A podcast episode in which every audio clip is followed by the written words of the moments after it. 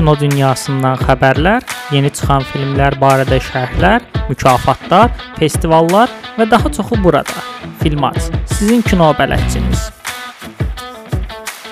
Hər vaxtınız xeyir əziz podkast dinləyiciləri. Bu gün çox uzun müddət fasilə verdikdən sonra Geekxana ə, video rubrikasının podkast versiyasına geri qayıdırıq.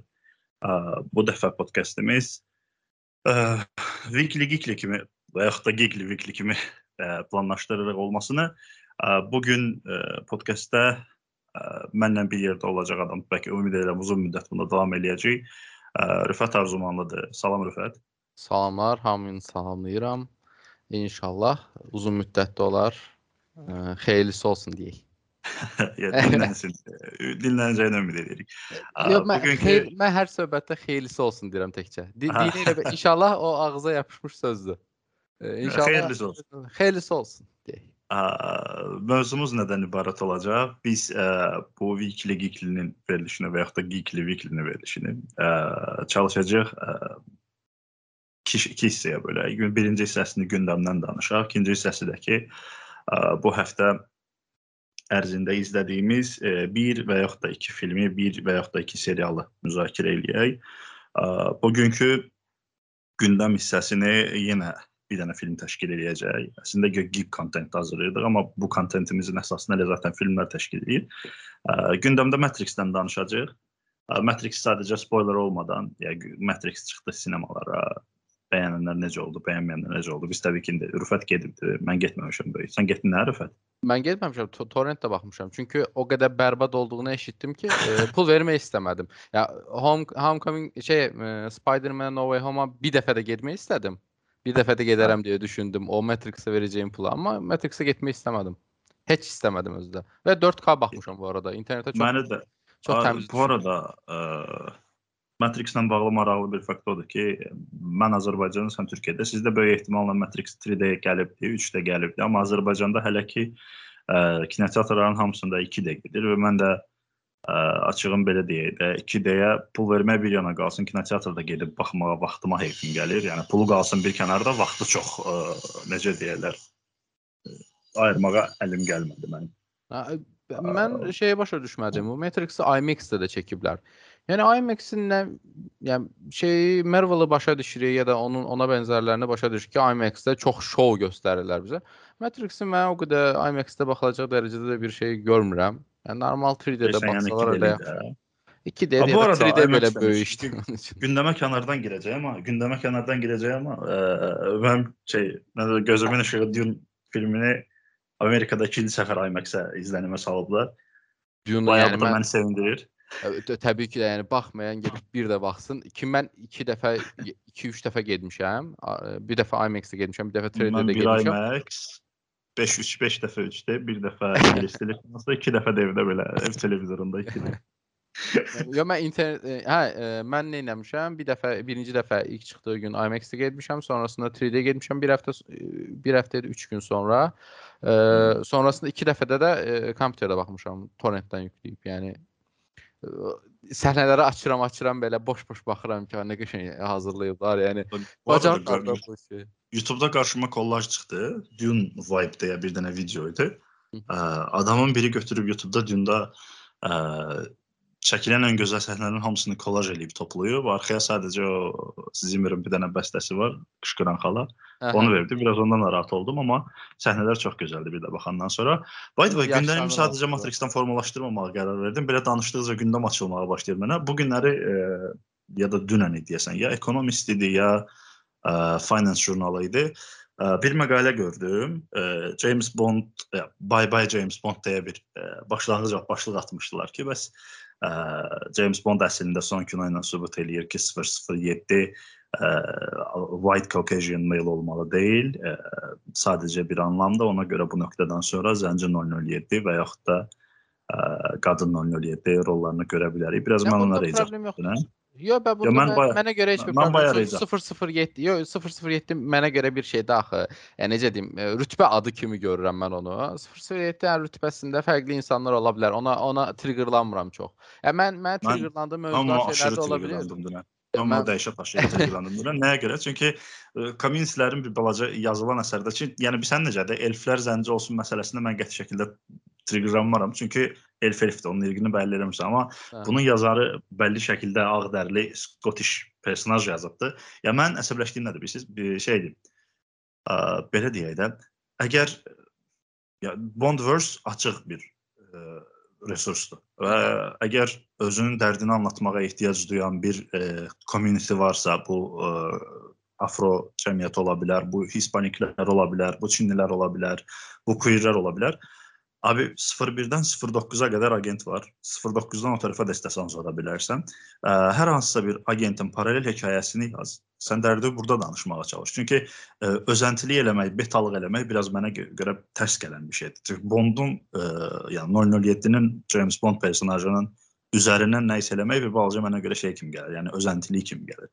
E, təbii Bunu sən elədir. 001-in əsasında bir hekayə yaz, 002-nin əsasında hekayə. Sonra bunları ya nə bilim, ə, crossover elə. Mən valla bunların hamısına gedib baxaram, izləyərəm, deyirəm ki, "A, 001 də bunun hekayəsi imiş, burada da belə bir dərdi varmış yazarın, amma James Bondu zaten yazan zamanında yazıb da onun üzərində hər hansısa bir dəyişiklik yaparım, o məni biraz sıxdı açığın. Bir, deyim. O bir xəbəri sənəcə bu deyir sənə e, yəni 007-yi mən buna buna görə belə öyrəşmişəm, belə bilmişik biz bunu da. İnanırsan Matrix 4-ə baxanda eynisini yaşadım. Ya dedim Ha, ki, Matrix. Ə, bunu bunun adını değiş. Yəni fərqli bir film qoy. Ya da nə bilim başqa bir dünyada keçən bir şey kimi qoy və qabağımıza çıxart. Mən mən şəxsən bu qədər triggerlanmazdım. Mən mən Matrix-ləri o qədər belə fan deyiləm. Yəni ciddi bir şəkildə fan deyiləm. Çünki mən anadan olmamışdan qabaq çıxan filmlərdir. Ə, mən baxanda da 13-14 yaşımda yaşım var idi. O digərləri kimi şey də deyiləm. 6 yaşında, 7 yaşında baxıb ya Mən da Matrixə şey- baxanda deyim neçə yaşım var. Elə sən dediyin məsələyə gəldiysən, 92 təvəllüdəm, 2002-də baxmışam. Nə qədər 9 yaşım olub da mən. 10 Hə. yaş. Yəni Ya 10 hə, 2002-lər, 2000-lərin əvvəlləri də Azərbaycanda elə təzə-təzə internetin təzə-təzə başladığı vaxt mail-ru çatdı zətdə, yəni şu təsəvvür uşaq ağlınla girirsən mail-ruya, Yəni. e, mail yazanda Neo mail-ru şöhrəsizə hazırlayırsan belə çox ə, uşaqlığın dövrünə sirayət eləmiş film idi o. Amma gör indi mən Matrix-ə baxmağa çəkinirəm açığım deyim. Bizdə ofisdən də uşaqlar təklif edirlər ki, gedək baxa dedim, no. Yox, yox, pul pul pul verməyə dəyməyəcək bir şeydir. Yəni mən mən əslində bilirsən necə bir dənə səhnəsini gördüm. -hı. o səhnədən sonra e, getmək istəmədim.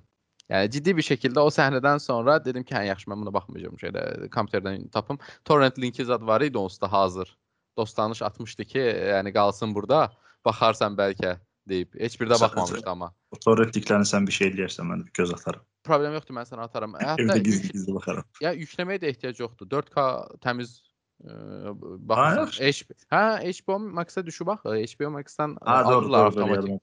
Ha, ona Ona görə- görə düşünürəm ki, net. Yəni oldu. orada hamısı tə- tərtəmiz yəni, heç bir problemsiz olurlar internetdə. Yəni baxdım, yəni ciddi bir şəkildə pul xərcləməzdim. Hə, Matrix olmadığını, yəni belə bir Matrix üçləməsindən sonra olmadığını davam filmi olaraq düşünməsəm izləyərəm. Hı. Yəni gedərdim. Hmm, Sinemada baxardım. Mən maraqlı da gələrdi çünki şeyinə baxıb, fraqmanına baxıb, bilməsəm. Hı. Amma belə də biraz belə üzümə söyülmüş kimi oldu. Çünki 3 film boyunca ki mən 3 filmdən də tək birincini daha çox xoşlayıram baxanda da. E, ikinci, Hı. üçüncü film də mənə o qədər xoşuma gəlmir. E, ya üzünə üzünə söymüş. Ondan sonra pul kazanandan sonra şey deyirlər də, hər şeyin prequeli. Hə, İkinci hə. filmi deyəsən ən yaxşı olan ya mən bir ara müdafiə edirdim ki, ikinci film ən yaxşı olan belə də də kino serisi Xaçatasını fikirləşirdim. Sonra dedim yox, birinci yaxşıdır. Sonra Star Wars-u çox adam müdafiə edir ki, ikinci Empire Strike, Strikes Back-də Mhm. Vader daha çox önə çıxır. Tarixin ən məşhur, belə sinematografiya tarixinin ən məşhur plot twistini o filmdə yayınlayırlar falan, amma mən yenə də birinci filmi daha çox sevirəm sanki. Mən də birinci filmi daha çox Star sevirəm. E, Belə baxanda birinci filmlər həmişə daha şey xüsusi olur. Hə, təbii ki də yeri ayrı olur axı. Yəni oradan başlayırsan. O, o sənin üçün sıfır nöqtəsidir. Ondan əvvəli yoxdur. Şey, Mənə mənə görə də Dönüb dolaşıb yenə Duna qayıdırır. Görəsən Duna'nın ikinci, üçüncü filmi necə olacaq? ciddi yəni amma mən e, Dune-da biraz fərqli düşünürəm. Yəni Dune-da ikinci filmi daha çox sevəcəyimi düşünürəm. Yəni elə deyim. Üçüncünü yox amma ikincini daha çox sevəcəyimi düşünürəm. Hekayə bazında baxdığım üçün yəni hekayəyə görə düşünəndə e, kitabdakı hekayəyə görə. Mən də mənə görə böyük ehtimalla Ya, üçü daha mən- çox mənə sevirəm. görə- Çünki üçü ikinci kitabdır. İkinci kitabı e, Dune Messiah'ı oxuyanda bir balaca şey olmuşdu. Vay be, bu hekayə də burada bitdi falan belə. Mən ona görə biraz 2-yə 2-yə şeyəm, tav oluram. Deyirəm ki, yəni 2 e, əla olacaq. daha İşdə əla olacaq. aşırı aşırı olaylar olur. İki Hə, hə, ona görə- ki, iki pikə çıxmalıdır yəni. Ona görə Şey- ona görə elə şey istəyirəm. İstəyirəm ki, pikə çıxarsın. Mən 3-də sonra yenə sakitləşsin. Problem yoxdur. Yəni şey deyil. Bir bir havasında 3 olur, zaten pikəsində. 3 zaten xarakter cəhətdən çox gərgin Hə. keçəcək böyük ehtimalla. Çünki yəni ən çətin şey deyirlər ya, zirvəyə çıxmaq asandır, zirvədə qalmaq çətindir. Atreides də yəni 2-də zirvəyə çıxırlar, 3-cü filmdə ə, zirvədə qalmaq məsələsindən danışırlar. O da orada çoxlu olaylar, olaylar dönür. Bu arada hazır elə şey demiş, ikinci, üçüncü film demiş. Spider-Man neçənci film oldu bu? No Way Home. 3 oldu. O Üçüncü üç- film üç oldu. Bu üçüncü dörd- filmdən danışaq. 3 3 hə. Spider-Man Sən məndən əvvəl Home. getdin izlədin. Hə, mən əvvəlcədən getmişdim. Sonra da mən getdim izlədim. Sən getdin bir gün ya baya notları yazdın öz özünə, doldurdun Mən şeyini. mən Mən, bunları mən danışacağam. əsəblə çıxım. Mən əsəblə çıxım. Mən belə filmə baxan vaxtı, yəni şey oldum. Tamam. Dedim ki, yo bunları deməliyəm. Yəni bu içimdə qalmamalıdır. Gecə gecə seansındaydım özdə. Gecə seansından çıxmışam. Qar yağır e, burada İstanbulda. Xırda-xırda qar yağırdı. Belə qarın altında gəzə-gəzə metrodan evə gedirəm. Amma belə fikir içində deyinirəm ki, "O, bu nətər nə, nə- nətər belə məntiqsizlik ola bilər? Nətər belə kimi şey olar? Bunlar danışmayam. Yəni bunlar çatdırmayam." Aynısından şeydə yaşamışam. 2016 ya 2017-də Rogue One filmi, 2016-da da. Hə. Rogue One-dan çıxanda elə mən o hissləri yaşayırdım. Qar yağırdı. Bulvara yavaş-yavaş belə qar tutmuş kimi idi. Yeriyirəm, sonra baxaram arxada ayaq izlərim falan qalıb. Bu da böyle bir hikayə. Əsas A bu arada səndən danışandan sonra sən çıxdın, sonra getdim mən çıxdım. Mən çıxandan sonra çıxdığımız üstünə getdik bir, bir space açıb bir, bir saat orada danışdıq. Bir saat səndən danışandan sonra mən bir şeyin fərqinə vardım. Sonrası gün ya saçımı yürüdüm deyəsən ya bərberdəydim. Bir- Durduğum yerdə bir bir fikir ağlıma gəldi və onunla bağlı. Danışaq orada deyəcəm mən. Hə, e, belə deyim də. Ba- Onda baş kredit. başlayaq başlayaq yavaşca e, Başlayaq müəllim, Spider-Man başlayaq. haqqında, Spider-Man haqqında. İlk e, cümləm budur ki, sən Spider-Man-sən. Sən Spider-Man-sən və niyə gedib dümdüz hər hansı bir, yəni ya- okey, yaxşılıq eləyən bir insandır xalan. E, xaladır yoxsa e, şeydir, Tamam. bibidir, bibidir, bibi olaraq keçir, xala olaraq keçir, fərqi yoxdur. Axı kimdirsə. Hı -hı. Sən niyə gedib onun sözünə qulaq asırsan? Və bu insanlar, yəni pis insanlardır.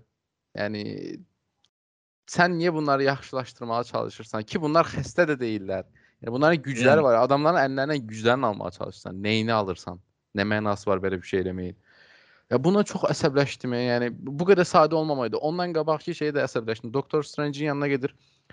Birincisi abi o boyda şey deyirsən, e, sehr eləyəcəksən və bu adamı hər kəsin yaddaşından siləcəksən.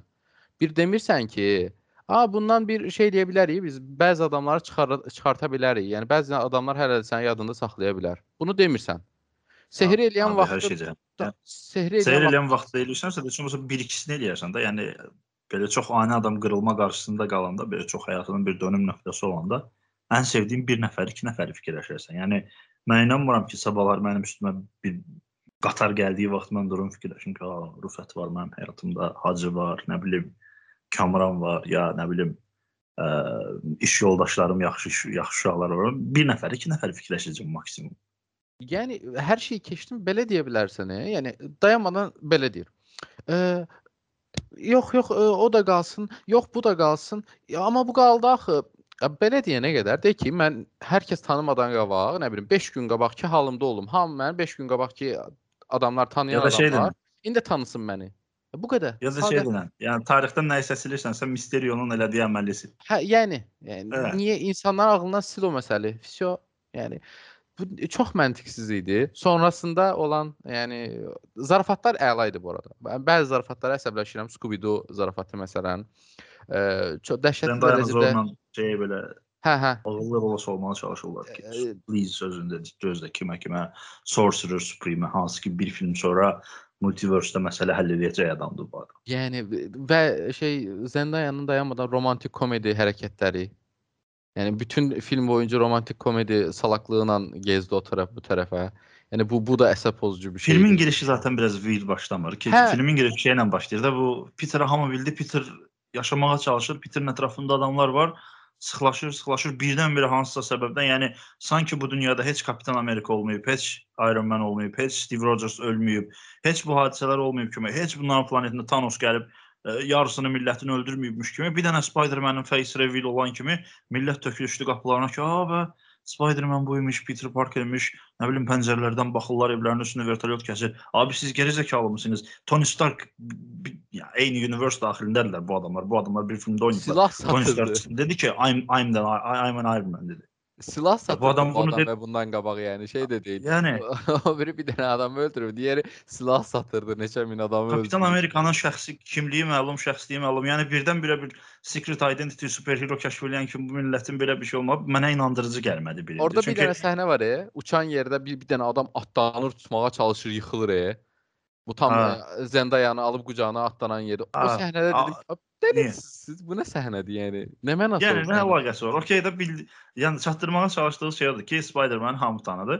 Bunu daha ağıllı yolla çatdıra bilərdilər ki, okey, Spider-Man hamı tanıdı, bunu düşmənlər də tanıdı. Bunun insanlar ətrafındakı adamları çox sıxmaqla göstərə bilərdilər ki, nə bilim, jurnalistlər gəlsinlər Peter Parker üçün May, Aunt May biraz belə də sıxışdırsınlar ki, bizə nə bilim, ə, intervyu vermək üçün razı sal. Yəni bilim, məktəbdə şeylər. Yoxsa məktəbdə 3 dənə professor var, nə bilim, uça bilərsən, tullana bilərsən. Ki onlardan da bu- professor deyil ha. Bir dənəsi e, şeydə, e, bir dənəsi ona qarşı olan bir idman İdman müəllimi, hə.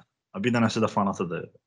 Biraz şey eləyiblər, yəni Abartı. qınamayacağam, komiks filmidir, amma okey də bu daha məntiqli eləyə bilərdi şeylər. Yəni Təbii ki də, təbii ki də. şeyə görə demirik. İndi çox adamın sevimli personajıdır. Çox adam filmə getdi, bundan əyləndi. Çox adam ə, sevdiyindən bunu qınayır. Mənim üçün mən açıq deyim, umurumda olmadı. Mən ona görə biraz belə nötr gedib izləyəndə dedim ki, okey də, yəni Marvel filmlərini izləməmiş olsaydıq, bu universe-də yaşayan adamlar həmin adamlar olmasaydı, bu Spider-Man-in birdən-birə ə, identity reveal olmağından bu qədər heç kim şoka düşməzdi mənə görə. Biraz mənə qəribə gəlirdi. Çünki like literally personajların hamısını tanıyırlar və ə, paralel filmində Hawkeye-da adamlara şey musical oxuyurlar. Hə, yəni hər şey keçdim. Bu gün oxuyacağımız, yəni bu bu gün haqqında danışacağımız ikinci mövzu Hawkeye-dir. bir-birinə Spider-Man-də olanın tam tərsi var o tərəfdə. E, Hawkeye ge- gedir e, hardasa yemək yeyir deyirlər ki, hə, siz ödəmisiniz də hesabı, şeysiz, qazısınız siz. Qazilərə Ha, pul yəni- deyib durur yəni. Abi a- yo, musical çıxardıblar adamlara. Musical çıxartdıqları qəhrəmanların həyatlarını bu qədər çətinləşdirirlərmi? Yox. E onda Spider-Man niyə çətinləşdirirsiniz? Adam hörümçək idi ya, bilmirəm. Yəni, çox çox məntiqsiz idi orada. Yəni sonrasında ilə səhnə-səhnə biraz e, düşünmək istəyirəm. Hə sonrasındakı o aralarındakı zarafatlar gözəl idi. Yəni şeyin Tomun hələ də gedib o professordan istəməyi, geri almaqlarını onların. Orada hələ də kostyuma dur dayanmadan kostyuma dəyişməyi, döyüşdüyü vəziyyətdə belə. Yəni onlar gözəl şeylərdir. Onlar gözəl, ə- əyləncəli idi. Kiçik detallar idi, maraqlı Hə, detallar idi. Maraqlı detallar, xırda şeylər qoyublar, əyləncəli, maraqlı idi, amma bəzən belə adamın gözünə batan Marvel ə, zarafatları biraz əsəbimi pozur. Məsələn, Zendayanın Andrew Garfield gəl gələndə əlini alıb nəyisə atmağı, nə bilim, karate hərəkətləri kimi dayanmağı zaten Yəni come nə on. nə edə biləcəksən? Hə, tutaq ki, ba başqa bir nə edə biləcəksən? Heç nə bacarmırsan. Bundan qabaq mənə göstərsələr, bilmirəm, yadıma gəlmir yəni. Hardasa Ya göstərdilər. zaten mən bir şeyə indi deyəcəm də biraz çox qabağa qaçacaq da mən, mən çox triggerlandığım Zendayanın yanındakı o şişko abimiz. İndi body Evet. shaming eləmirəm amma Yo, yo, mən, Steven mən Strange şey gedir Şambalada eləmirəm. 7 il qalır. O Həm ona portal triggerlandım. asmağı öyrənə bilir. Bu adam əlinə tutur 3 dənə şey fırlamaqla birdən-birə ə, yan aləmdən gələn adamı tapa bilir. Ürəyi Hə, təmiz yəni, olduğunu. o, ona o- ona ciddi eləməyim. triggerlandım. Ona ciddi triggerlandım ki, yəni bu adam getdi orada dağın başında nə qədər şey elədi, işlədi, özü üstündə d- b- nələr öyrəndi. Sən gəldin bir dənə nənəm mənə deyib ki, e, e, siz bizim ailədə şeylər, sehrli güc var deyib tık tık elədi. 2 2 saniyədə şey açdı, portal açdı. Hmm, okey. Hə. Bilirsən, məcbur Ciddi. deyillər əslində. Məni yoran şey odur. Yəni yan personajların hərəsinə bir yük yükləməyə məcbur deyillər. Bu filmdə kök idi, tamam işte yəni sevimli arkadaşıdır. Buna şeydə dəstək oldu. Birinci crime crime deyəndə də vigilante əməllərində dəstək oldu. Kompüter dəstəyi var. Tamam orada saxla yəni. Mən o personajın da gələcəkdə Wong-un yanında başqa bir işte diversity adına hava ilə bir dənə adamın olmağı mənə önəmli deyildi. Başqalarına bəlkə önəmli deyə bilmərəm. Biz burada öz adımızdan müzakirə edirik filmi. Təbii ki də. Ya bir də yəni ə, şeyə çox ilişdim. Yəni normalda Zendayanın söhbətini bilirsən də dayanmadan mən yan karakter olmaq istəmirəm, yan karakter olmaq Hı. istəmirəm moduna girib son dövrlərdə ona görə çıxmaq istəyir bildiyim qədərilə. Ona görə də rol yazdılar. Hə, ona ona uyğun biraz daha Yəni bax. və rol yazma ki o günləri pul şeyini gördüm. Yəni nə qədər pul alıblarsa. Tom Holland'a Hı -hı. 4 milyon veriblər deyəsən. -hı. Zendaya 3 milyon veriblər. Bu nə dərəcədə düzgündür? Biri yəni çox-çox başrol oldu. Yəni Spider-Man-də adı Zen budur. Zendaya'nın bence market değeri biraz bahadır. E, təbii ki, Zendaya çünkü hem de bahadır. modeldi, hype'ı var. Çox işte bahadır. Çox bahadır. çox Amma baha yəni şey- bilmirəm, nə bilim, e, bu şeyin Marvel-ın bütün rekordlarını alt-üst edən Spider-Man filmi üçün 4 milyon vermək şey Tom Holland'a biraz haqsızlıq kimi gəldi bu arada ki, aktyorluğu da yaxşıdır. Yəni aktyorluğu pis Bu arada onların müqaviləsi necə bağlanır sən bilmirsən? Yəni franchise'ın əvvəlində bunu Marvel vermir bence bu arada Sony verir deyəsən. Eee, deyim də sənə, e, bunlar normalda anlaşmalar olaraq bir neçə filmlik anlaşma olur məsələn. Hı. Tom Holland'ın başına belə 6 düşür. 6 filmdir məsələn. Tom Holland'ın şeyi. Deyəsən e, film başına bu qədər e, pul verirlər. Amma vəziyyətə görə deyəsən də dəyişiklik ola bilər. Məsələn, yaxşı bir gişə hə- əldə elədi, yaxşı bir e, çıxış əldə elədi, babat pul qazandı, ondan faiz verilir ona yenə Bu arada ehtimal- keçim. Aha. Matt Damon'ın Avatar filmində gişədən pay almağa razı olmayıb gedib Hə, onlara çəkilməkdəki. çox ürək sıxıcı məsələlərdir ya. Yadıma düşdü arada. Yəni, da- onda yavaş yavaş gedək addım addım. Başlanğıcı dediyim kimi bir balaca şey başlayır. Ee, Gərilirik. Biraz weird başlayır ki, insanlar Spider-Man sanki həyatlarında birinci səfərdir bu universitetdə superhero görürlər. E ondan sonra şey gəlir. Ee, işte bu bunları abimizin, içəri alırlar. abimizin abimizin ordusunu Ha, içəri atırlar. Dur, dur, dur. Arada hər dəfə bu Matt Murdock əri- əriyir gedir. Qarşımda televizorda evdə onun öldürüb. Matt Murdock danışmaq əvəzinə yenə gedəcəydim şeyə. E, sahnesinə. Mən avtomatik beynimdə o, o var bu dəqiqə. Hətta şey deyə sual Matt Murdock nə yaxşı elədilər, gətirdilər ya. Çox əlavələr. Çox gözəl E, əlavələr. Gəlsin, vallahi gəlsin. Mən serialına baxıram. Mən birinci sezonda mən çoxdan izləmişdim. Nə bilim, ilk çıxdığı sezon izləmişdim. Birinci sezonu sadəcə izlədim. Sonra dedim biraz yığılsın izləyərəm. Sonra bir də izləmədim. İndi təkrar girib izləyirəm. Bayağı qəşəng olub. Yəni Matt Murdock Aktyor özü də əla aktyordur. Marvel'ın şeyini Hə. xoşlayıram biraz. Ə, Marvel çox belə tanınmayan aktyorlara da çox şans verir axı. Heç belə tanımadığı. gətirib. Hə, yəni əlaqəsiz bir şəkildə Hawkeye'da məsəl üçün o kar qız var ya, oradakı ə, eşitməyən. Ha, o ha diversity. O da o da o da, o da, o da diversity. Olsun Heç ha belə diversity Ha. olsun valla. Şey Yəni, deyil yəni. Maya personajının gəlməyinin e, mənim üçün bir mənfisi yox idi. Ya onun danışa bilməyinin və yaxud da eşitmə qüsuru olmağının mənim üçün bir heç bir problemi yox idi. Əksinə Yox, tam mən tərsinə yəni normaldır. deyil və aktyorluğu da normaldır, əladır hətta. Yəni mənə görə ə, şey Maya xarakteri elə olmalı idi hətta. Yəni gözümün qabağına gələn komikslərdə biraz daha şeydir, amma olsun yenə də ə, çox əla bir şey. Spider-Man danışandan sonra Burada- səndən zaten Hawkeye'in sonluğu barəsində çox ağır danışacağam Hə, səndən. mən də, mən də. Şey, bu arada Hə, o Hawkeye'dakı? Maya Maya xarakteri əsl həyatda da şeydir, eşitmə Hə, hə. Və ayağında da problem var. Çox qəşəng oldu. Mən şey dura şey oldu. Sən sənin sözün olmasa çox yaxşı oldu gəlməyə əslində personaj. Yəni yəni şey üçün deyirəm, ə, bu Hekayəsini də korlamasalar, hekayəsini də sonluğuna elə gətirməsələr, əslində yaxşı ola bilərdi. Mənə elə gəlmir ki, Maya Hawkeye'in ikinci sezonda davam eləsin orada. bir də eləyəcək böyük ehtimal. Amma ne, nəsə bu ikinci filmə hələ diz şeyə keçmək, Hə, serial. Da- Daredevil'dan bura gəldim. Gəlir Matt Matt Murdock- Murdock'un gəlməyindən gözləyirik ki, şey də gəlsin. Ya onu o aktyoru da məsələn hər hansısa bir yerdə görməzdik biz Daredevil olaraq oynamasa. Ya o da Düzdür, çünki yəni. reklam üzü deyildi. Mən onu demək istirdim ki, Marvel yəni yaxşı aktyorlar seçə bilir. Ya, halaldır. Bəzən Şey də bacarırlar. gətirsinlər indi. Canım nə idi onun adı?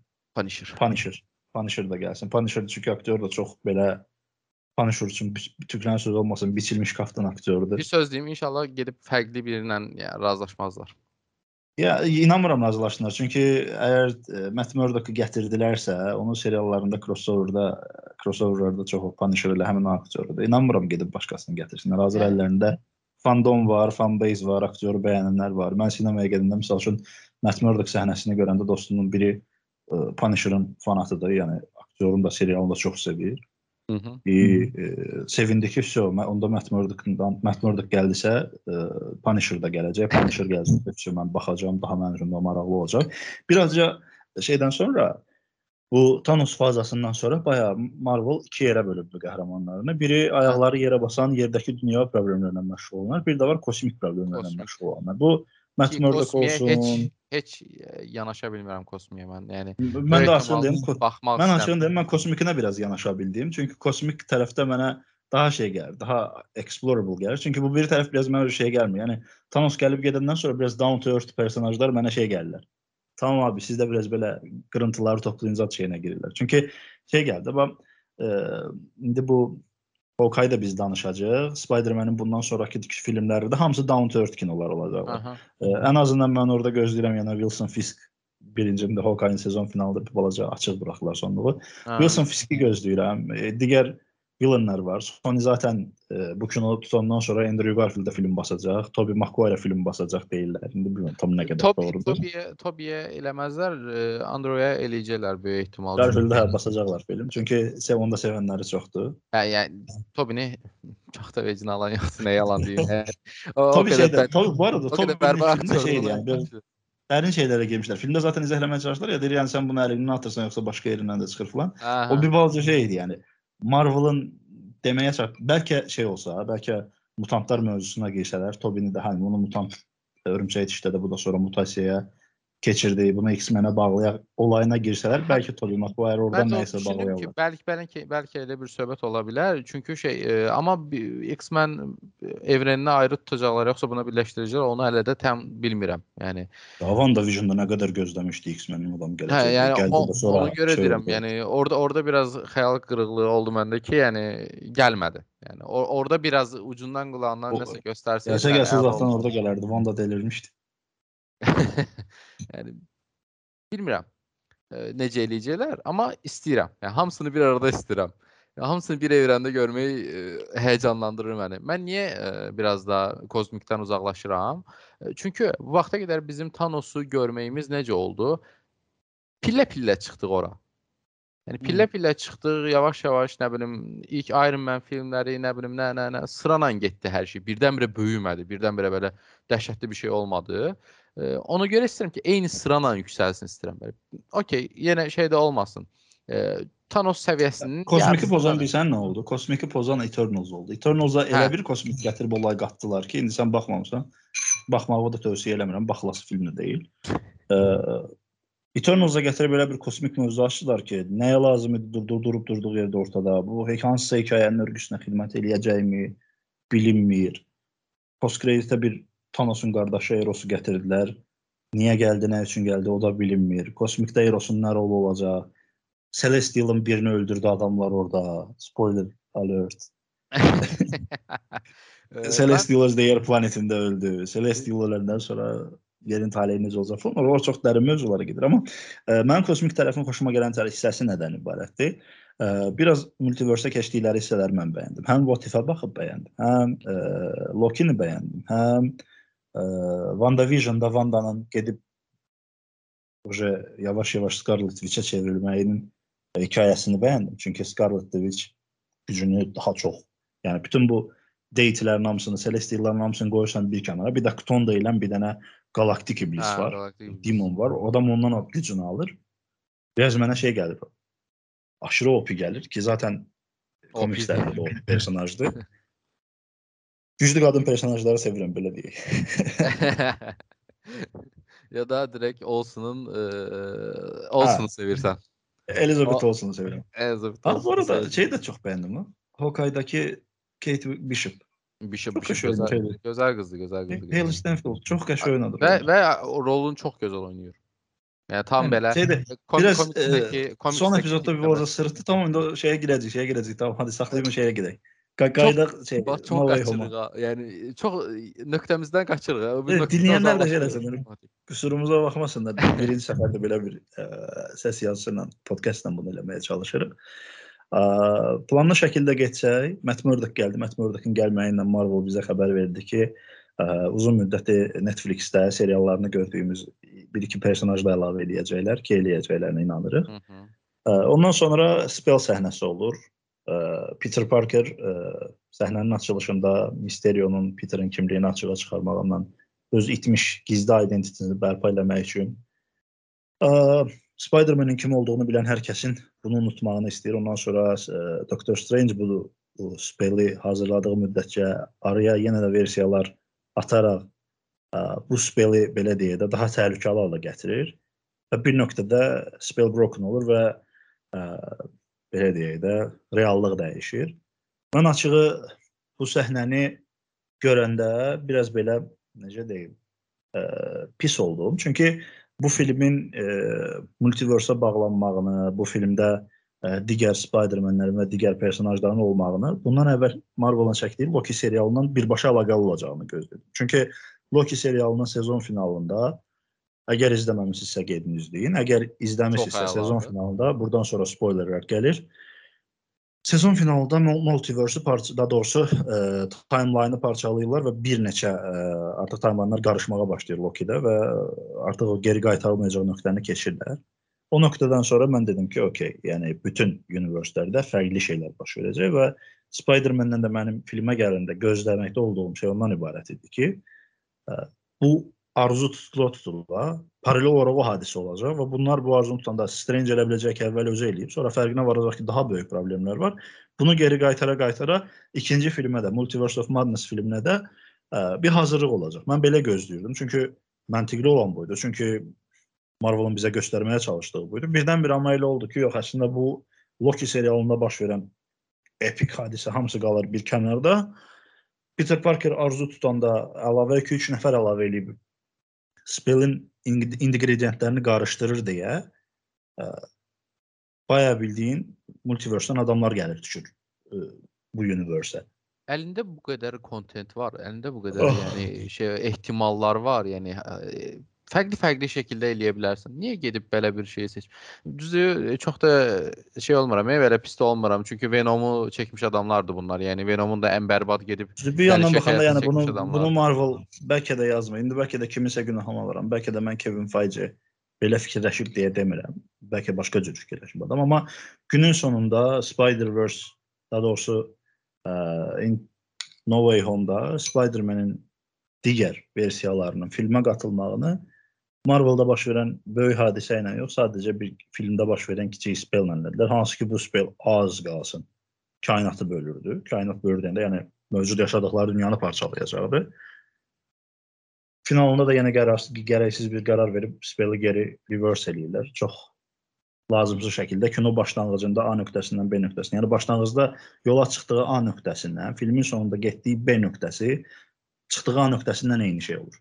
Yəni. Yəni filmdə bir proqres yoxdur.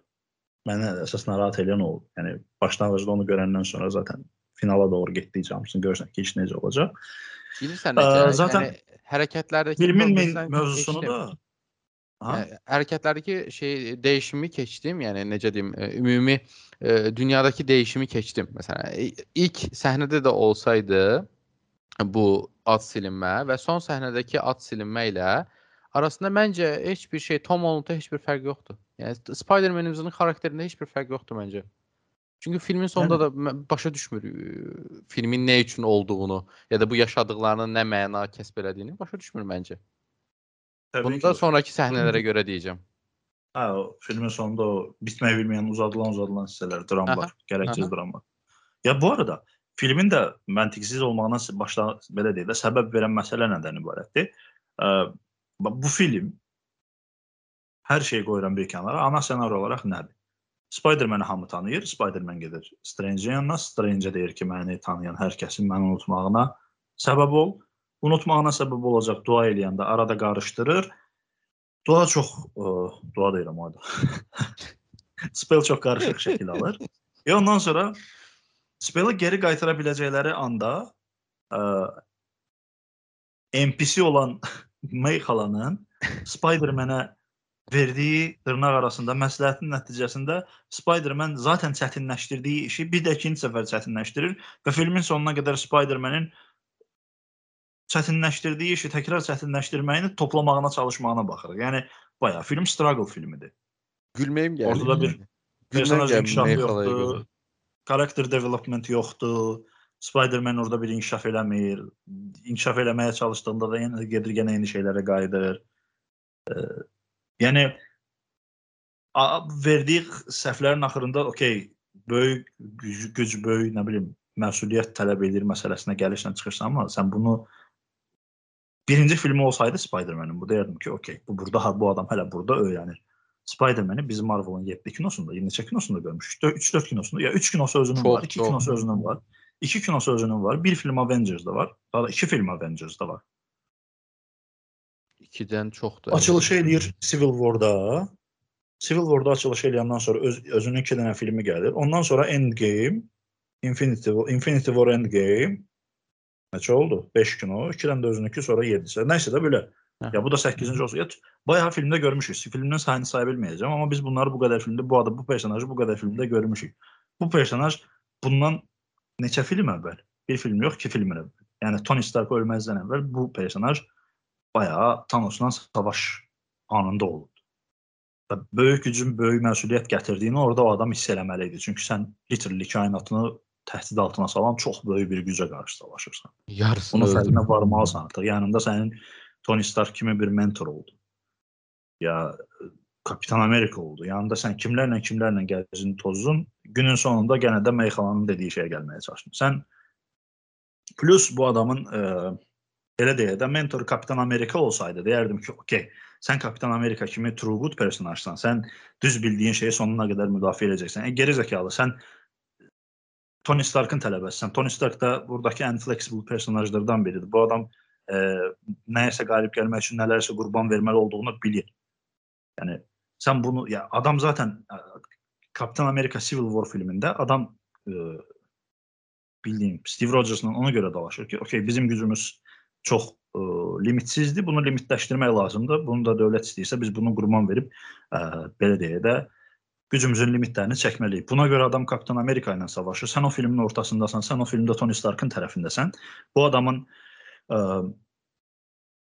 ya pr- prinsipçi olan şey yanlışdır. Yəni Tony Starkın ə, prinsipçi orada elədiyi şey əslində yanlışdır. Çünki ə, bu qədər çox böyük gücü bir quruma və yaxud da bir dövlətə tabe eləmək riskdir.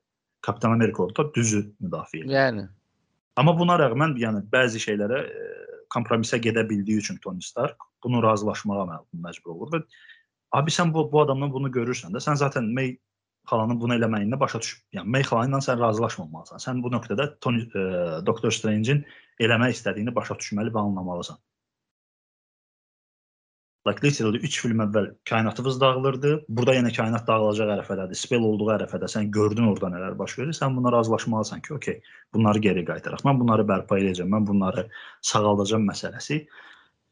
Elçin- Nə bilim, aşırı naib gəlir mənə, biraz yorur məni. Elçin, Hacı. amma amma mənim Mey xalam dedi ki, yəni mən belə ola bilmərəm. yaxşılıq eləməyi. Yəni olmaz. Onlar onların içində yaxşılıq var. O bilirsən necədir? Bu bəzi qızlar olur, e, xəstə birini tapırlar belə başdan xarab birini tapırlar. Sonra deyirlər ki, mən bunu yaxşı eləyəcəm, mən bunu e, iyiləşdirirəm mən bunu. Sonra da axırda döy döyürlər, dava qırğına çıxırlar bir-birlərinə. E, Sonra deyir ki, bu niyə belə oldu? E bu dəli idi də onsuz da. Ya, Sən bunu dəli olduğunu bilirdin də onsuz da. Yəni sən niyə dəlinə ağıl eləməyə çalışırsan ki, dayanmadan? Niyə o belə? şeydə içdən gələn o bir naivlik hissidir bəlkə də. Yəni- Naiv uşaqdır. Mey xalaları. Amma abi, yəni sən abi literally sən uşaqsan, tamam, heç olmasa ya. Okay, için yaxşıdır. İçin yaxşı olduğuna rəğmən sən dərk eləməlisən ki, burada çox böyük bir məsələ var və sən bu böyük məsələdə öz uşağınla buna qərar verə bilmirsən. Yəni Steven Strange var orada. Tony Stark o adama bir dediyinə inandı, bərinə ki, belə çıxmasın, gauntlet alıb e, snap elədi ki, okay, mən Yəni. ölüm amma hər şey yaxşı olsun. Yəni e, abi sən niyə bu adamın əlindən bu şeyi alırsan? Boksu alırsan ki, yox mən bunları müalicə edəcəm. Hara müalicə edəcəm? Nəyi müalicə edəcəm? Öldü zaten meyxalanda günün ortasında. Heç bir şey də olmadı yəni. Görmədi getdi yazdıq arada. ya bu arada mən meyxalanın ölümü də e, Edo hissəsinə gələcək. Spoiler bu arada. Ya Bir söz deyim. Spoiler, spoiler Çox olarsa biz vermədik. Biz çox pis insanlıq edirsən. heç, bir şey ciddi almayıb. Hər şeyi görürük. Yəni cəmaatın xalası ölüb orada. Biz biz burada şey eləyirik. Spoiler Hacı, alert vermedi. Spoiler malı... yazarsın. Ben... Şey ya. Ha ya onu Başlıklar. şey malumat verir daha Hacı yazar onu orada. Spoiler falan.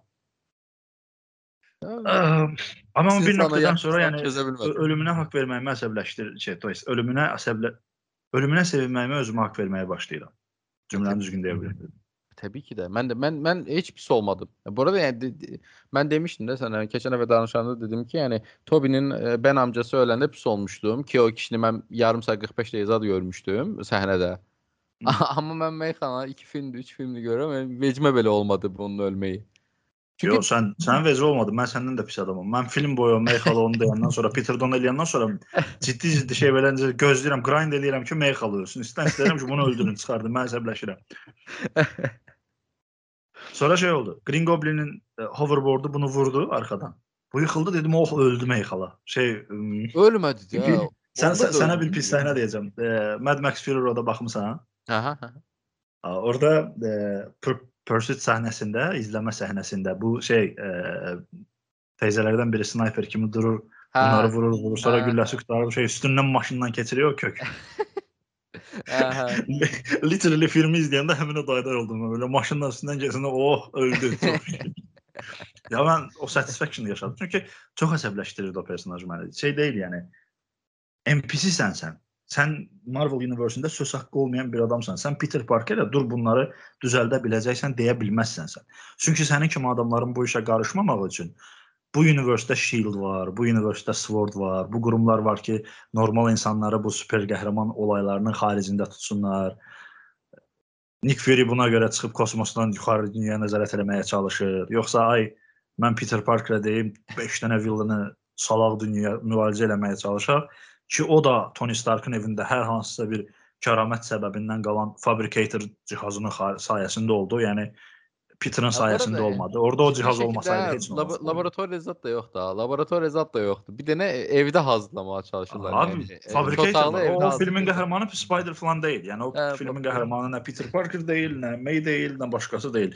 Tony Stark'ın o cihazı da orada bayağı hər şeyi xilas eləyən. Yəni, b- çox çox məntiqsizliyi var idi. də. Yəni hansı birini söylə. Film olaraq bax, ciddi bir şəkildə film olaraq düşünəndə, yəni əyləndim mi? Əyləndim. Amma səhnə-səhnə düşünəndə dəhşət Ya, Filmdən gedib Yox, filmdən çıxırsan, üstündən 2 gün keçir, 2 gün keçəndən sonra başlayırsan şey eləmək ki, bu niyə belə elədilər görəsən? Bu niyə belə?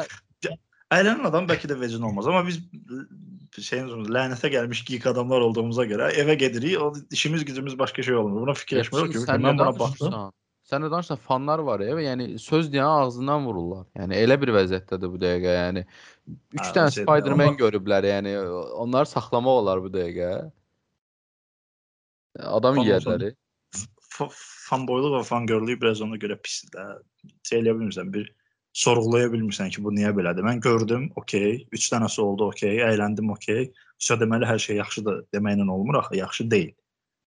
Ya gözümə batır mənim bunlar. Mənə də filmə gedəndə sinemadakılar dedi ki, necə ki, bu pis film deyil, yaxşı film də deyil, amma ə, bəzi şeylər gözümə batır. Yox, batmasın, əylən, əylənə bilmirəm axı mən bəlkə də xarakterimlə əlaqəlidir. Aynı tipi adamam, mən logical adamam. Mən mən bir şey məntiqə bağlaya bilməyəndə e, qavram belə ki, bu necə idi bəs? Mən bütün günü bunu fikirləşirəm. Ya məsələn mən ə, Endgame-i olmamış sayıram. Yəni mən Infinity War-da, yəni mən Infinity War-da Thanos uddu və vəsə bitdi. Mən Endgame-ə düşünürəm. farsaj kimi baxdım abi. Mən Endgame-ə farsaj kimi baxdım. Təxmini elə Farsaj. Mən Farsaj filmlərinə Bu, bu, bu hamısına kinoda baxmışam bu farsaj kimi idi. Bu, bu Bu kinoda farsajın heç bir kinosuna baxmamısan? Mən hamısına baxmışam. Hamısına Abi, birinci kinosundan tə- Birinci kinosundan ancaq ssenarisi var. Yo, təzə mən ssenari üçün baxıram demirəm ki. Bomboş.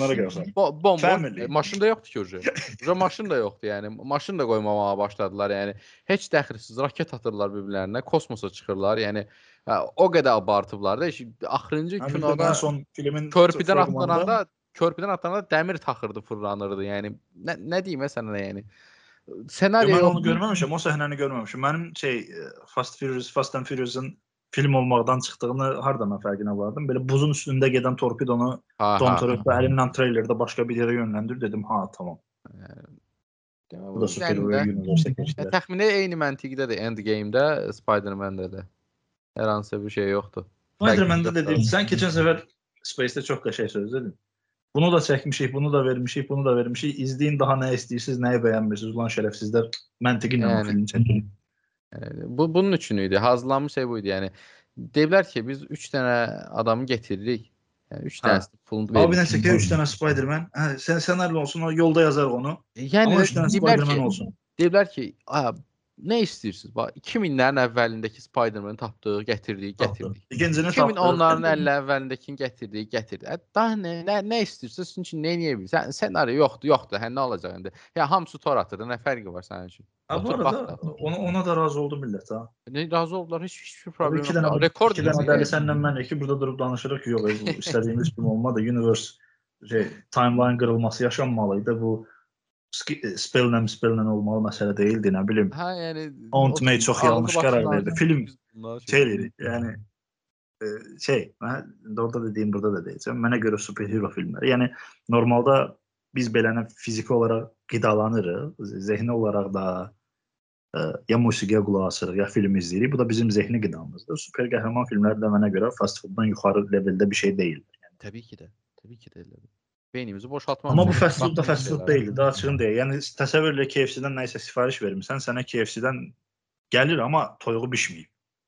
Yo yo bişib. Yox, Yo yo Elçin bişib. Amma bir sənətər, yəni yağını o qədər çox qoyublar ki, yəni o qədər yağlı eləyiblər ki, o qədər qurudu Hə. ki, ağzına atırsan belə palçıq yeyirsən də elə bil, yəni deyirsən ki, bunun yarısını yeməyim bəlkə ya da nə bilim heç yeməyim bəlkə mən Bir bunu. Biş, bir, bişməyən şeydir, Eternals idi. Hə, bişməyən Eternals'dır məsələn də. Yəni şey eləməyək. Bunlar bir nəsə hazırlayıblar. Ortada nəsə var. O günlər bu arada bir dənə şey gördüm internetdə. Biri KFC sifariş verir. KFC-nin də toyuğun başını göndəriblər bişirib. Yəni əməli başlı baş. Oo. Yəni belə bir şey heç kəsin başına gəlməsin. Yəni elə deyim. KFC deyəndə o yadıma düşdü avtomatik. Bir an KFC-dən uzaqlaşdım. yəni, deyəsən Türkiyədə olur yoxsa Amerikada olur bilmirəm amma yəni gördüm və çox çox çox pis oldum. Çünki mən KFC bizdə şirkətdə aşağıda yer yoxdur düzəməli yemək yeyə biləcəyimiz. Yəni çox fast food KFC-yə yeməli. Məcbur ke- fast food yeməyi məcburiyyətinə qalırıq. Yəni KFC də yeyirik. Çox. Ona görə biraz belə dedim ki, okey, bu aralar çox yeyirəm. Deyəsən bu- bundan sonra bir müddət yeməyəcəm. Məsəl oldu sənə. Yəni at əti, mət əti problem yox idi. Yeyirdik onsuz da. Ha, Toyuq burgerda. başı da yemə. Yəni toyuq, toyuq başı yemək istəmirəm amma birdən qabağıma toyuq başı. Balığın bokunu da yetirməyim. Bir sənəcə yəni yer ye, yer, yenə yeyərik. Yəni şey yoxdur. Psixolojik olaraq hazır deyiləm buna. Yəni baş görməyə hazır deyiləm. Hələ o nöqtəyə aldığım gəlməmişəm. qutuda. Hələ o nöqtədə deyiləm dediyin kimi. Nəysə, e, söhbətimizə qayıtanda e, Meyxalanın bomboş məsləhətləri, bomboş məsləhətlərə qulaq asıb e, axırda özünü öldürtməyi, Meyin özünü öldürtməyi e, və Meyxala e, laboratoriya işçisi kimi avtomatik e, Spider-Man-lə baxışan kimi e, Green Goblin-ə hansı dərmanı vura biləcəyini saniyəsində öyrənib, saniyəsində gətirib vurmağı. E, Sonra da sonrasında sonra deyəsən tutmur. heç bir heç bir işə də yaramır o vurduğu da. Onu niyə düzəltmişlər onda? Niyə hazırlamışdılar? Heç Ya kəs nəysə, davam heç edək. Davam edək. İşte Ee, düzəltmişlər. Green Goblin- səhnə olsun deyə çəkildi. Yəni Green Goblin-in aracının gəlib buna ə, son sürətlə girdikdən sonra heç nə Ayağa durub, olmayıb, bayağı bir- ayağa durmağı, sonrasında bomba yeyib, yəni Green Goblin-in bombasını yeyib ki bu bomba yəni nə, nə hallara saldı o qutunun içinə düşəndə dünyanı yəni son səhnədə. Yəni belə Hə. bir bombanı yeyib ki bunu da Spider-Man əlinin ucu ilə belə atmağa çalışan vaxtı tam üzünün yanında partlayır və Spider-Man-ə də heç nə olmur. 90% ehtimalla üzünün yarısı yanmalı və qulaqlarının heç biri eşitməməli, gözləri yerindən çıxmalı bir səhnə idi normalda. Heç nə olmur da e, Spider-Man-dir. Yəni problem yoxdur. Spider-Man nəsə olmasın, okey. Qəhrəmandır, qəhrəmandır. Ney niyə bəs sağ qalır qardaşım? Ney nətər sağ qalır orada? Ki sağ qalır, ayağa durur. Ayağa durub söhbət eləyir. Yəni Pursuit of Happiness mövzusunda şey, fəlsəfədən danışır. Hə, hə, 2 dəqiqəlik söhbət eləyir orada, fəlsəfik söhbət eləyir. Sonrasında birdən-birə ay nəfəs ala bilmirəm. Ay ay Nəfəsimi nəfəs dərin oturum olmuyor." dincəlim şey Hə, söhbət olur. Oturub- Anime səhnəsində Hə, rəsmən. hə, yəni uzanır belinin arxasından dəmir çıxartır. Yəni bu adamın belinin arxasından dəmir çıxartsan və hələ də oturub ancaq üzünə baxırsan. Spider-Man-sən, ə, uça qaça hə, ə, gedə bilirsən bir yerə, sallana sallana yerlərə qucağı alıb iki, Hə. iki blok uçub, yəni Zendayanı uçurtduğun kimi iki blok uçurdu, heç olmasa xəstəxanaya çatdırarsan. Ben onu diyecektim yani. Ulan karı kızı kucağına alıyorsun hemen. Karı kızı kucağında binalardan binalara ta- taşıyorsun. Metroların içinde taşıyorsun. Yani E, ne bir tane halava alıp aparmamışsan. Sonrasından e, Happy'nin gelip ki bu arada Happy'yle Bu arada, bu arasındaki arada ilişki bomboş sözü bölürəm, sözü bölürəm. E, Happy Hedge ya şey, e, anlamsız bir söz deyəcəm amma yəni Meyxala əvəzinə mən də Zendayanı daşıyaram, yüngüldür qız. Tabii ki de o ayrı yani. Ama dediğim Qayıdıb Happy. Ama ya çalışarsan da halandı. Yani hala o da çalışarsan kurtarma. Biri çünkü ölmürdü. Birine yani Zendaya ölmürdü orada. Keyfi taşıyordun. Ama bu ölür. Yani ölen vakti taşıyarsan. Məndə təridi daşımayı. yani Happy Happy ile e, May'in arasında bu arada ilişki var filmde ve bina en bu ən bomboş ilişkisidir. Yəni bunlar haqqında ilişki əslində ə, söhbət Orta yaş sindromu keçirən bir dənə adam var. Hə, hə. Orta yaş sindromunu keçirdi bir şey o recyclable şeylər eləyirik. Bizdə bəzən olur. Qızlar həyatlarında çox böyük travmalar yaşayandan sonra işte özlərini recycle'a verirlər. Psiko şey psikolojimi düzəltirəm deyirlər falan. İşte belə şey gedər. Məmək hala o moda girib. Happy də Happy də Tony Stark'ın sən ölümündən sonra bu arada orta yaş evi açıb ha. sindromundadır. Yəni e, evi də Happy verib bunlara. La- Laboratoriyadan ev də Happy'nin evi də. ha. Yəni e, e, evi partlatdılar, içindən keçdilər. Happy'dən heç nə soruşmurlar. Happy sanki adam deyil. Hə, yəni Happy Abi sən də sonrasında evini bu götürəcək bir şey olsa bir, bir iş var. Çox Hə, ya vacib işdir buna görə. bu qədər qırğının arasında Happy evinə baxmağa gəlir. SWAT-lar gəlir bu anda. SWAT-lar Spider-Man-ə güllə atırlar. Happy də gəlib e, maşını saxlayır. Yəni evinə nə oldu? Random bir adamdır. Evində partlayış olub. Eşidib gəlib ya da kameradan görüb gəlib. SWAT niyə Ha. bunu tutur? Mən mənə Amma bu çat filmin o hissələri zəhn bir, bir zehin tutulması yaşayır film. Yəni bayağı bir zehin tutulması yaşayır. Yəni dram verək, okey, dram verəndə hamı zaten o drama qapılacaq. Ssenarini boş ver abi. Yaz, nə olur? Happy gəlir. Happy nə niyə tutsunlar abi. Yaz, tutsunlar. Sonra Spider-Man atsınlar mı? Vur, vursunlar. M4, M16 vursunlar, sıxsınlar Spider-i. Ölməz sonrasında sonrasında okey, sonrakı səhnələr yaxşıdır. İşte Spider-Man-lərin gəlməyi, zarafatlar, sonrasında Tomun yanına çıxmaları. Hə, Tomla çıxırlar, söhbət edirlər. Andrew deyir ki, mən Gwen-i itirmişəm. Gwen idi də? Hə, Gwen. Hə, Gwen- Hə, Gwen, hə, Gwen- Gwen-i Gwen-i itirmişəm. Ə, Sonra Toby deyir ki, mən Ben amcamı itirmişəm. Hamısını yox, mən orta- də itirdiyim başa düşə bilməzsiniz. Tabii can. Ə, Hə, hə, yəni hamısının ortaq sözü, yəni ben ben amcanın dedikləri söz nə bilim nə, böyük güc böyük ə, məsuliyyət gətirir. Okay, ə, Tom bunu başa düşür güya. Güya Tom bunu başa düşür. Ə, bu adamlar gedirlər laboratoriyaya, əsl laboratoriya gedir. Deyəsən məktəblərinin bir laboratoriyasıdır, bilmirəm harada ora. Heç kəs bilmir. Çünki ora ev partladı, pis haldadır. Harada ora? Description yox idi. Düz, düz, düz. Harda olduğu Yəni- bilinmədi. o. Yəni məktəbdir məncə. Yəni mən elə başa düşdüm. Ya da Məktəbdə şey, güya bu Andrew Garfield'ın ya hə universitetdəydilər də onlar deyəsən. deyəsən hə. Amma bir belə deyək də, yəni bu adamlar bilim adamı deyil, Spider-Man-lər. 3 dənə Spider-Man, 3 dənə nəfər, yəni 5 dənə ə, şeyi Spider-Man-lərin bacardılar. birincisinin bu arada bilim adamı olmaqla yaxından uzaqdan əlaqəsi yoxdur. Adam Hə, hə. jurnalist. Yəni Andreya okey, Andreya başa düşərsən. Andreya tamam deyərsən. Andrew hə, Andrew bayağı bilim adamı. Andreya bilim adamıdır, yəni başa düşürsən onu. O birləri heç biri heç birinin şey yoxdur. Yəni əlaqəsi yoxdur. Tom da yəni okey, elektronikdən başa çıxır dediyim ona. Nə bilim, Ən çətində özü Green Goblin idi ha bu arada. Bu arada Adam təzə qəbul olub. Hə, yəni Green Goblin ən şey daha bu arada, ən çətin sağalanıdır çünki bir partiya Tom onu sağaltmağa çalışıb sağalta bilməyib. Amma Toby necə nəfəs Hı. onu sağaltdı. O ayrı məsələ. Nəsə deməyəcəm. Ə, nəsə bunlara bilim adamı olurlar bir anda və bilim adamı olaraq se- hazırlayırlar bütün şeyləri, çıxırlar yeni, yeni özgürlük heykəlinin başına.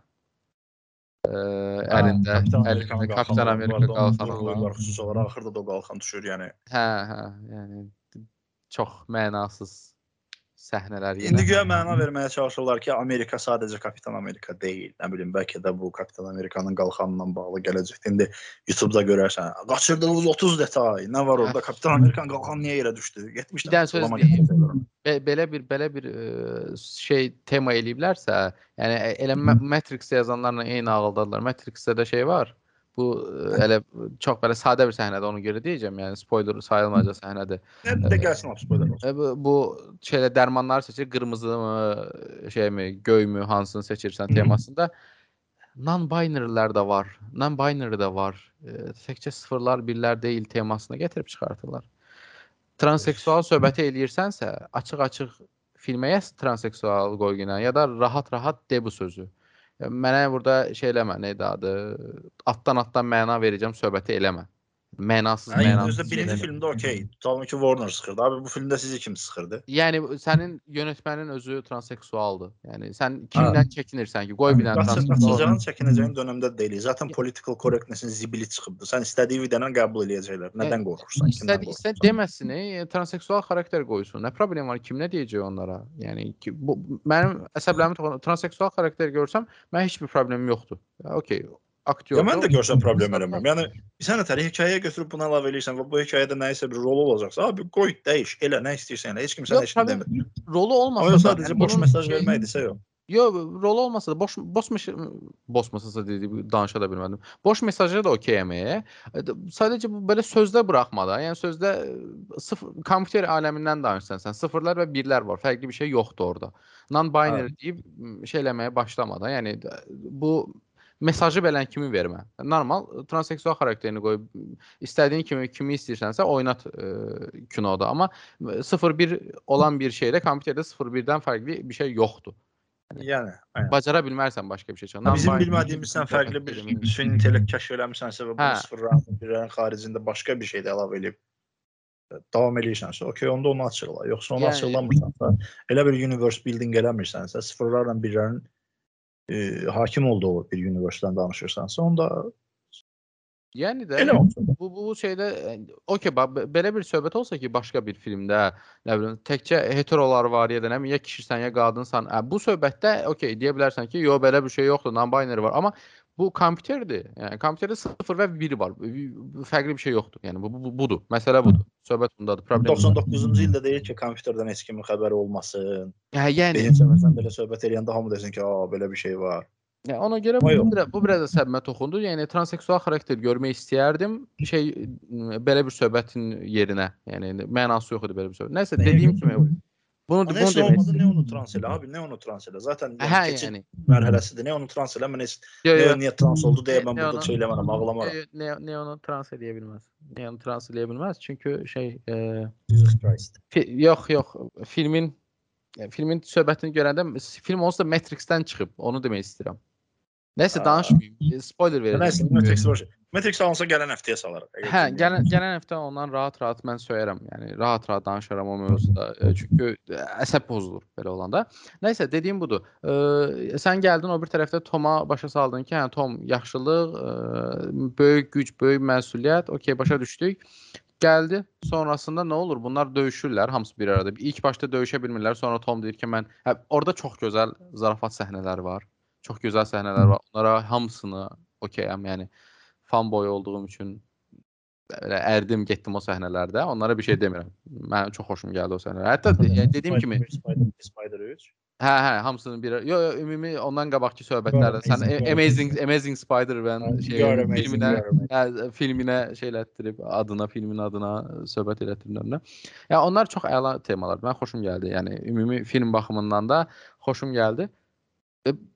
Sonrasında gəldin, hə, hamısını yaxşılaşdırdılar, tək-tək, tək-tək hamısını yaxşılaşdırdılar. Sonra nə oldu? Gəldi yenə Green Goblin-lə döyüşəndə öldürməyə çalışdı. Sən başa düşmədin ki onda, yəni Yəni bütün filmin mövzusunu başa düşməmisən nə onda sən? Aynen. Filmin mövzusu yaxşı olmaq idi. Hər kəsin haqqı. yaxşı olmaq, Hə. Və Ya verdiyi mesaj odur. Sən o deyilsən yəni. Yəni o 20 dəqiqə qabaq, 20 dəqiqə qabaq sən o damda 3 dənə Spider-Man danışanda ağlayırdın. May xalam öldü. E, May xalamın ölmə səbəbi May xalam da sənə dedi ki, böyük güc böyük məsuliyyət gətirir. O birlər də sənə başa saldılar ki, hə biz də itirmişik kimisə. Belə olmamaq lazımdır, yaxşı olmadı.